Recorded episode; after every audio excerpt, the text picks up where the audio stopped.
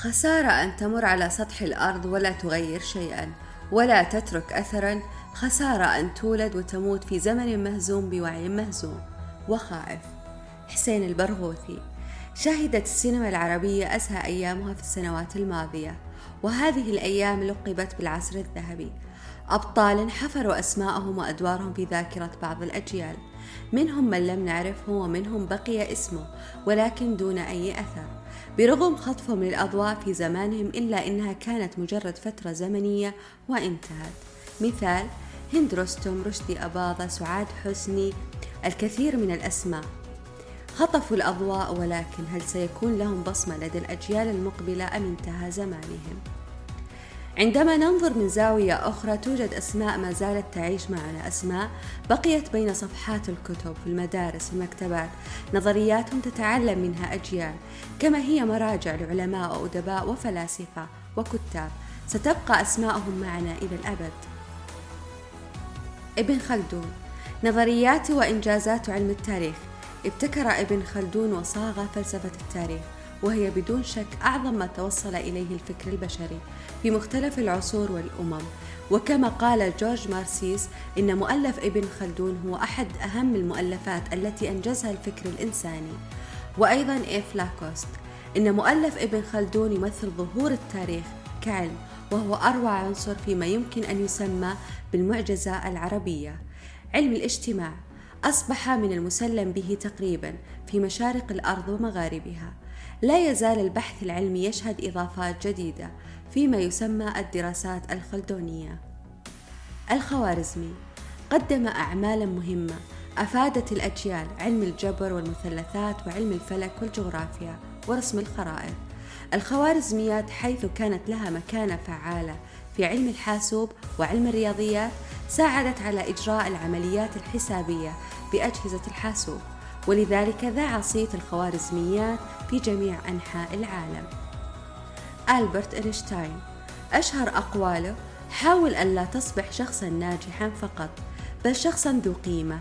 هو عالم فيزياء وهو أشهر العلماء المؤثرين في العصر الحديث.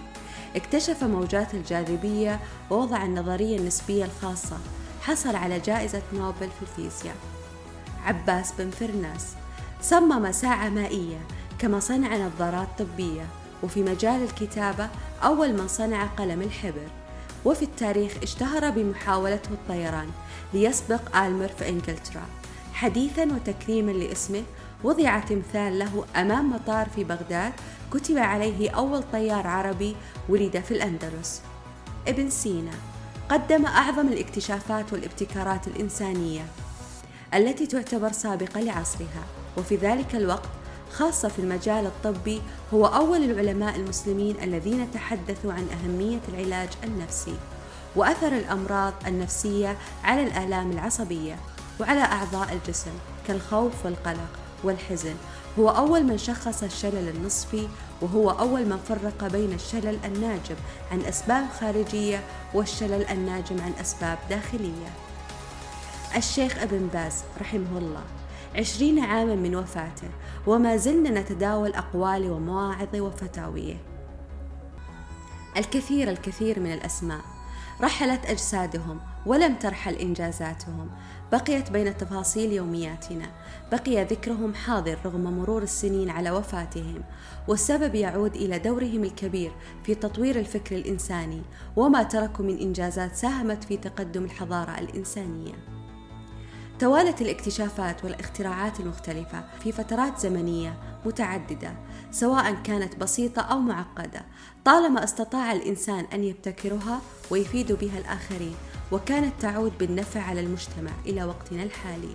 لم تكن لفترة زمنية وتنتهي ولكن أصبحت مراجع تدرس لأجيال.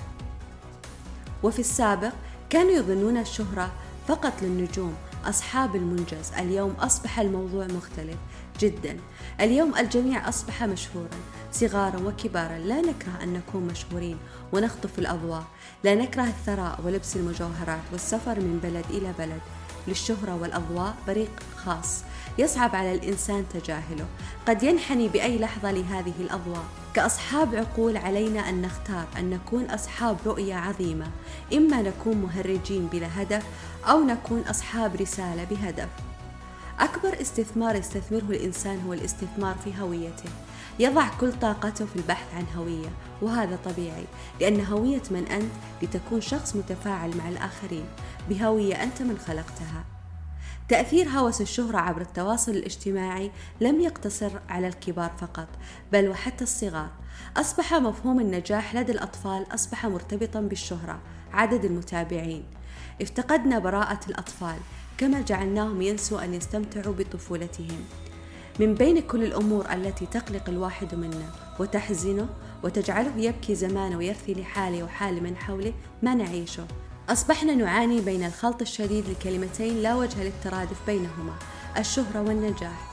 الأولى تعني الانتشار والوصول إلى الشهرة ومزاحمة الجميع والتوهم بنجاح زائف. في حين يقصد بالثاني نيل المنى بعد طلب الوصول إلى القمة ومزاحمة العظماء فقط. وسائل التواصل الاجتماعي وفرت للكثير الشهرة بلا إنجاز فبمجرد كونك حصلت على مئات آلاف المتابعين ولم تقدم ما تحفظ به هويتك فأنت مثل البالون المنتفخ. مجرد ثقبه لن يعود له قيمة. فإذا اختفت وسائل التواصل الاجتماعي لن تكون ذو قيمة.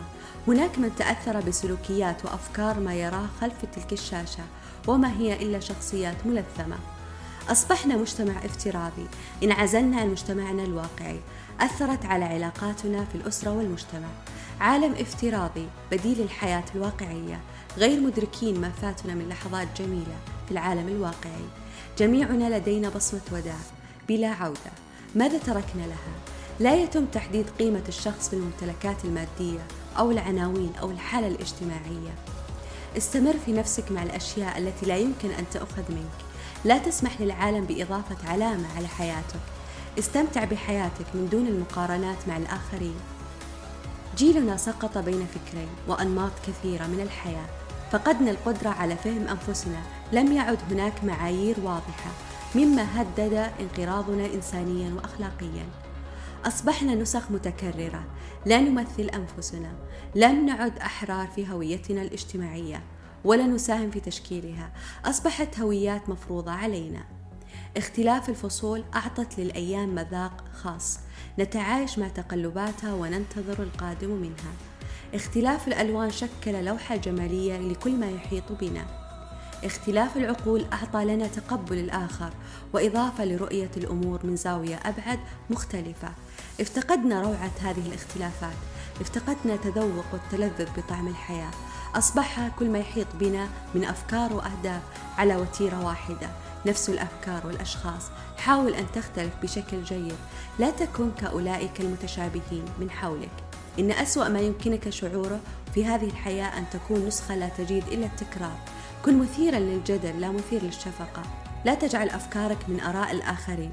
شغفك مقتبس من شغف الآخرين. كن صوتا ولا تكن الصدى.